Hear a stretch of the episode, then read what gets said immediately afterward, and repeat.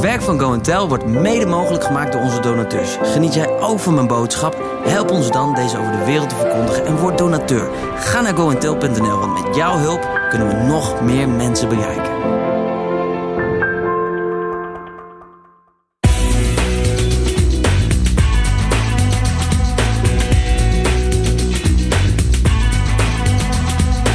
Fijn dat je er bent. Mensen die lijden, soms lopen we er met een grote boog omheen. Want wat moeten we nu zeggen? In deze podcast gaan David en Joyce hierover in gesprek met Marcel en Cody Gazenbeek. Dit is deel 1 van Lijden.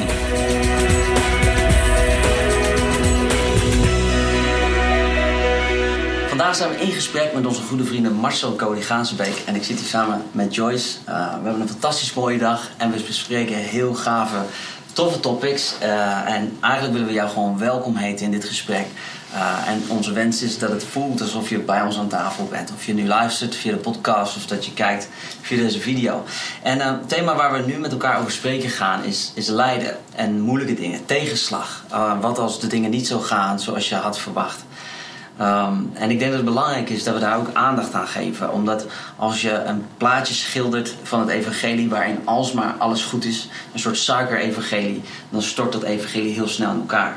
Sterker nog, ik ben ervan overtuigd dat juist uh, het evangelie is een kracht gods tot geloof. En het is juist ook krachtig als het moeilijk is en als het tegen zit. En ik denk dat wij allebei zo onze eigen verhalen kunnen vertellen. Van dingen die niet zo succesvol waren die lastig zijn, of die anders zijn gegaan als dat we hadden gedacht.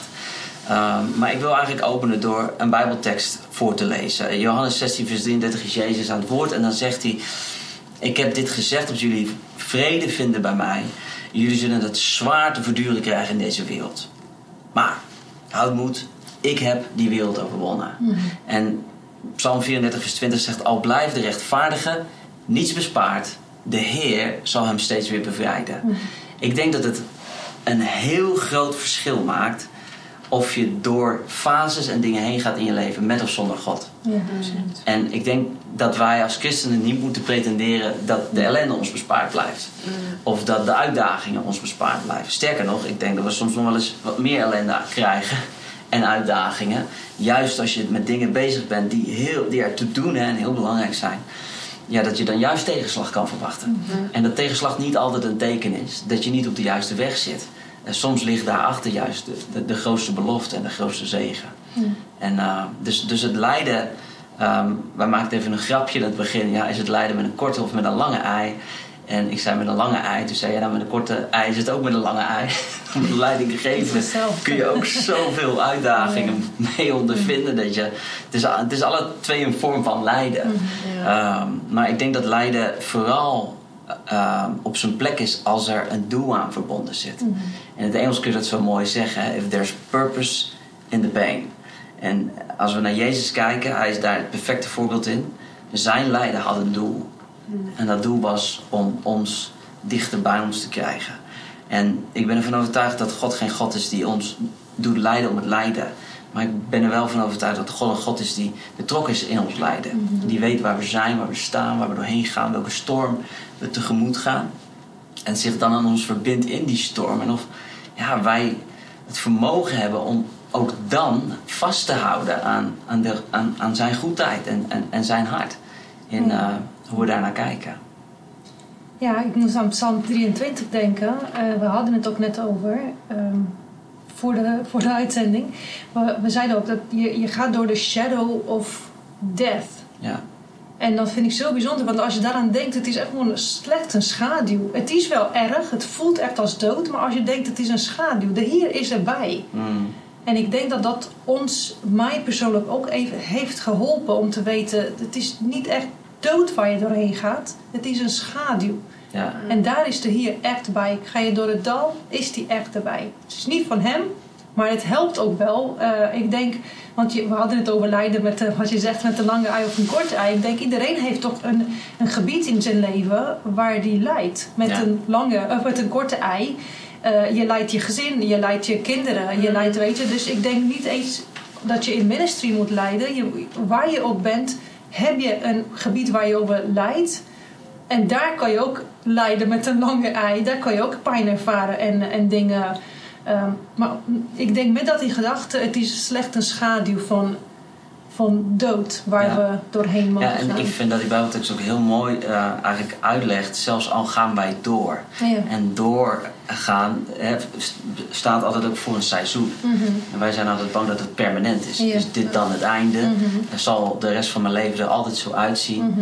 Uh, nee, en het mooie is dat je heel vaak uh, in verhalen van andere mensen kunt horen dat het niet het einde hoeft te zijn.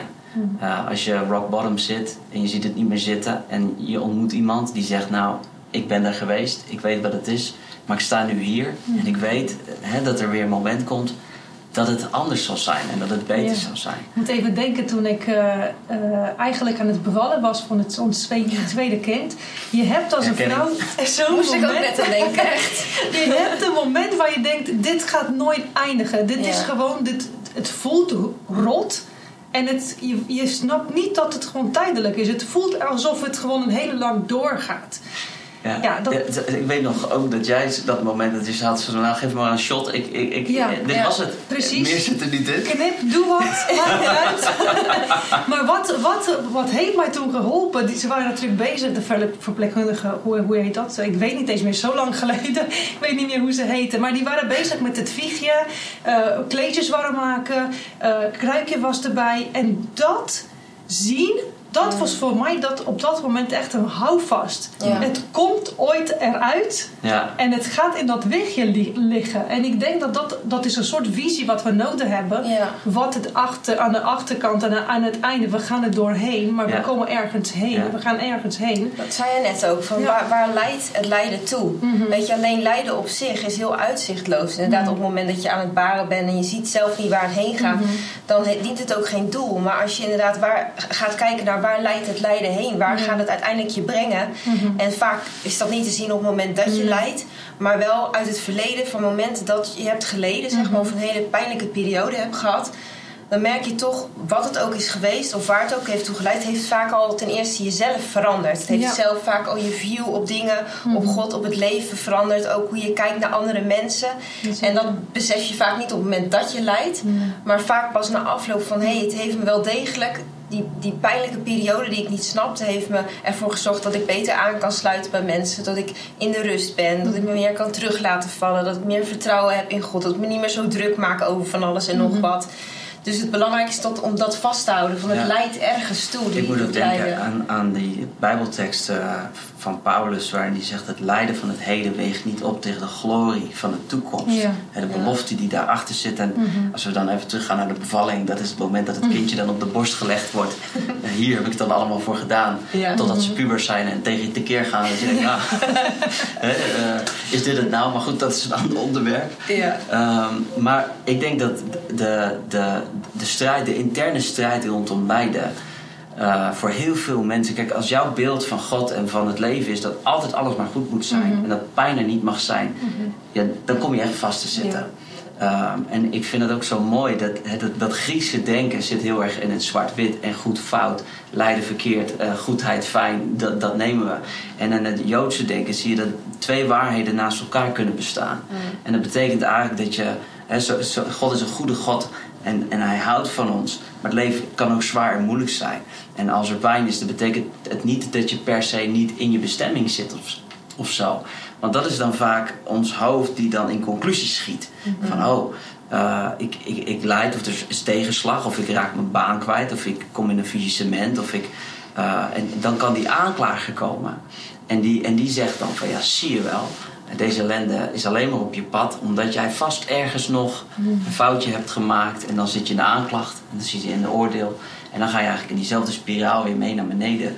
Waarvan ik overtuigd ben dat de vijand ons opnieuw dan wil, hè, weer, weer wil verlammen. Uh, maar het is zo belangrijk om te zien dat, dat God is in charge van je leven. Ja. En ook als je door een seizoen van pijn heen gaat, wat soms ook gewoon je eigen stomme schuld is. Hè? Laten we, laten we wel wezen, soms maken wij keuzes waar we God de schuld van geven. En zeggen, dit is vast een vormingsproces. En de Heer die zat te kijken en zei, ja jongen, je had gewoon nooit die afslag moeten nemen. Weet je wel, je kan mij wel weer de schuld geven. Maar hij is erbij. Ja. Ah, Hij weet het. En ehm, Ik zit even naar Marcel te kijken denk, wat denk jij allemaal? Ja, ik denk dat er heel veel verwarring is, uh, überhaupt rond het woord lijden en uh, moeite. En, uh, um, de Heer heeft het grootste lijden gedragen. Hij heeft al ons lijden gedragen. Dus als we zeggen wij lijden met Christus, dan lijden we niet letterlijk wat hij geleden heeft. Ik bedoel, hij heeft de zonde van de wereld op zijn ziel gehad. Ja. Hij is aan een kruis gestorven. En de neiging van de mens is om dat lijden op je te nemen. Daarom zie je bijvoorbeeld één keer per jaar zie je plaatjes opduiken in ons nieuws van mensen die zich aan de kruis laten spijkeren rond. Ja. Dat is dat ze denken dat je je te vereenzelvigen met dat lijden, met zijn lijden, het juiste lijden op je neemt. Hmm. Dat is het ene uiterste. Het andere uiterste is inderdaad het denken omdat alle beloftes ja en amen zijn, dat er dus geen moeite in je leven is of dat er geen lijden zou zijn. Nou, ik denk dat tussen die twee uitersten uh, zit de realiteit waar we doorheen wandelen, of we willen of niet. Hmm. En ik denk dat het heel belangrijk is dat we elkaar helpen om daar het gezonde onderscheid in te maken. Als Paulus zegt, we verheugen ons in de heerlijkheid, we verheugen ons in de glorie. Uh, dan zegt hij, maar we verheugen ons ook in de moeite. Hmm. Nou, dan, dan, dan, als ik dan eerlijk ben, dan heb ik al heel vaak gedacht, ik verheug me helemaal niet in de moeite.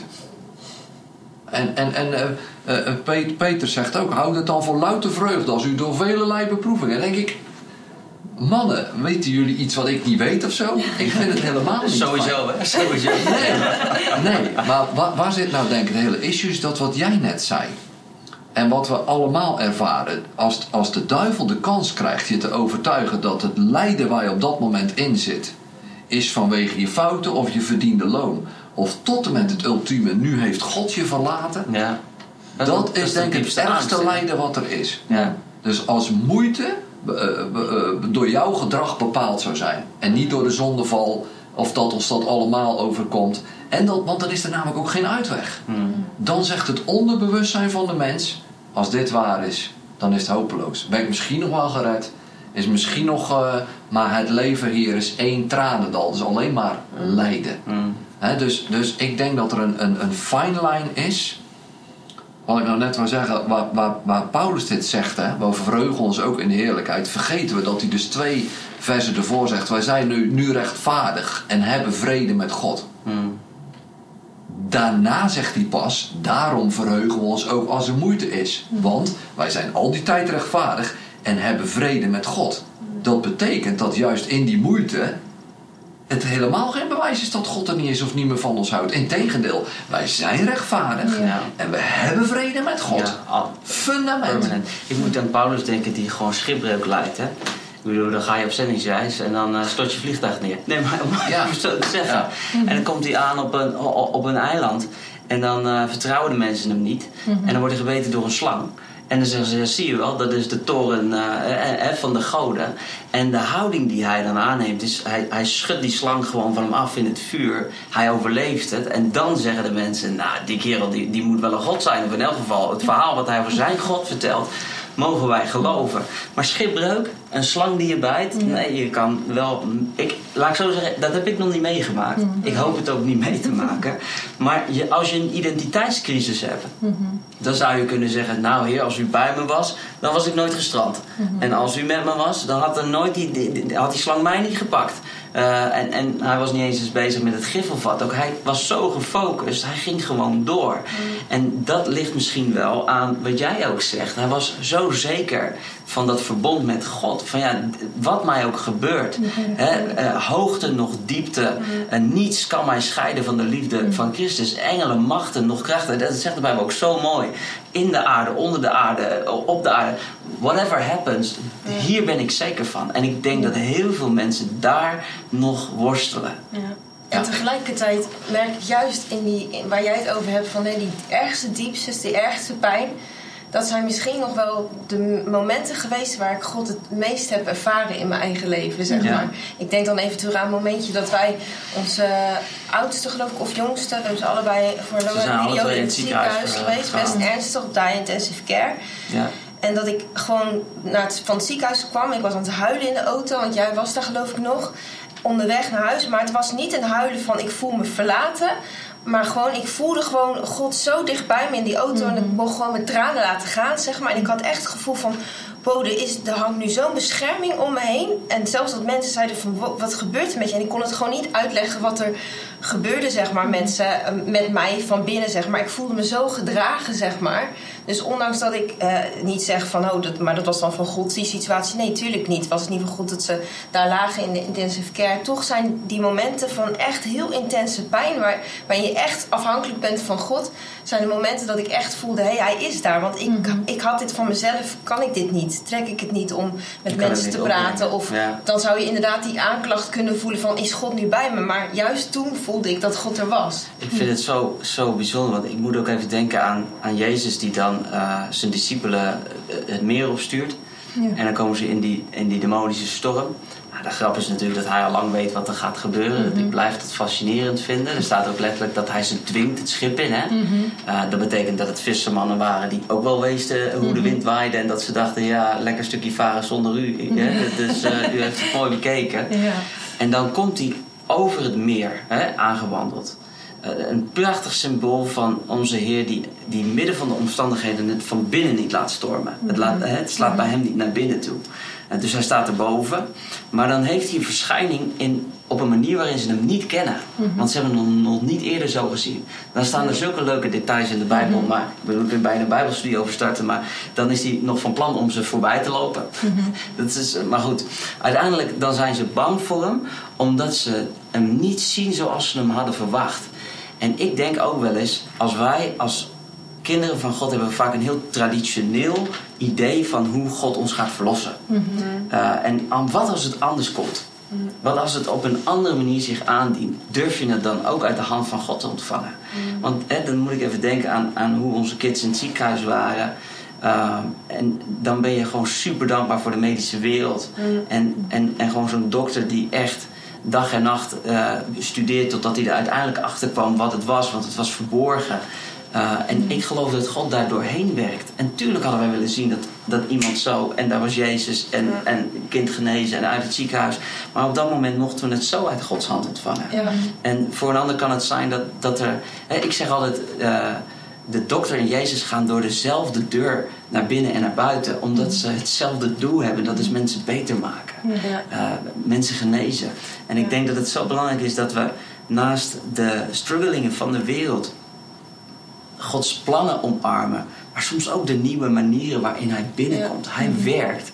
Ook in die details die wij in eerste instantie misschien helemaal niet zien aankomen. En lijden is ook echt, wat jij zegt, een kans om dichter bij God te komen. Juist door lijden heen. En, en soms ook dichter bij mensen. Want ik weet nog in die ziekenhuisperiode, waar, waar we al een paar keer over hebben verteld, van, dat heeft ook echt mooie vriendschappen opgeleverd. Want we ook een koppel die we nog helemaal niet kenden, die ons destijds hielpen. Je gaat meteen zo diep in zo'n periode. Want eigenlijk wil je hem niet dat ze je zien in je klofje en in je tranen. En, en je bent helemaal van slag. Maar dat heeft toen echt ook weer hele mooie vriendschappen gegeven. Omdat je op dat moment word je zo geraakt in de kern van het leven, waar het leven om draait. En waar je normaal zo druk kan bezig zijn met allerlei dingen die er eigenlijk niet toe doen dwingt leiden je er ook gewoon toe om weer even te kijken van... hé, hey, waar gaat het leven om? Waar, waar, waar ben ik mee bezig? Om alles weer even recht op een rijtje te krijgen... en je prioriteiten te stellen, denk ik mm, opnieuw. Ja, en ik besef me hè, dat als we daar zo over spreken met elkaar... dat het bijna alweer heel licht voelt. Het ligt achter ons en dan kan je het zien. Maar iemand die, die nu zit te luisteren... misschien wel met tranen in zijn ogen... en, en met zijn handen in het haar... Uh, wij kunnen alleen maar zeggen, ik, weet je, soms zou je willen zeggen, ik weet waar je doorheen gaat, maar dat weten we niet. Mm. Want wij hebben ons, ons lijden gehad hè? En, en jullie, jullie lijden. Um, en, en jij hebt jouw persoonlijk verhaal. Uh, samen met God, maar hij weet wel waar je doorheen gaat. En dat is een troost. En dat is niet voor iedereen hetzelfde. Maar laat in een seizoen van moeilijkheden alsjeblieft je niet beroven van je identiteit.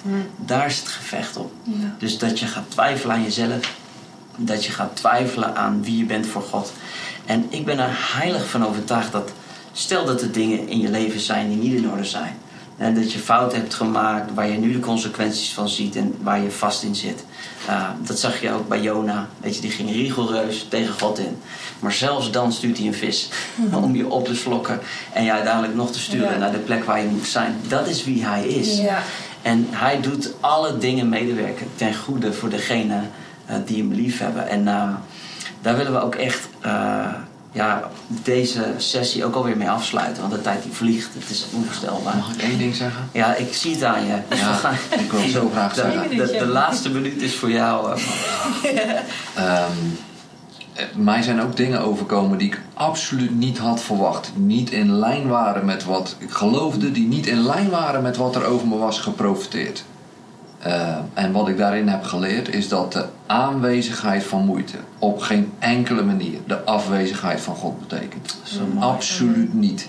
Gevoelsmatig is dat de moeilijkste spanning die er is. Maar ook hoe jij je nu voelt in jouw moeite, in jouw lijden, God is er.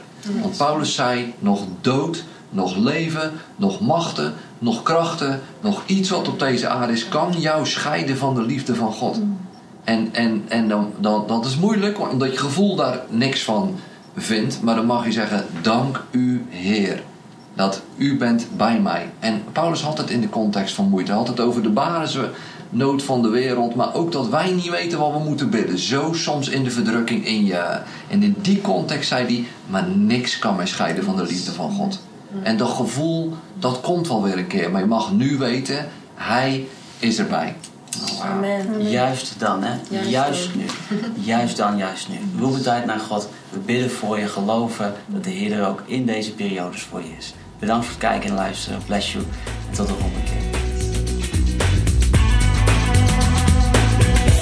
Tot zover deel 1 van Leiden. Wil je reageren? Dat kan altijd op info.goentel.nl. En luister volgende week weer naar deel 2 van deze podcast. Tot die tijd kun je ons altijd volgen via onze socials en natuurlijk de Simply Jesus app.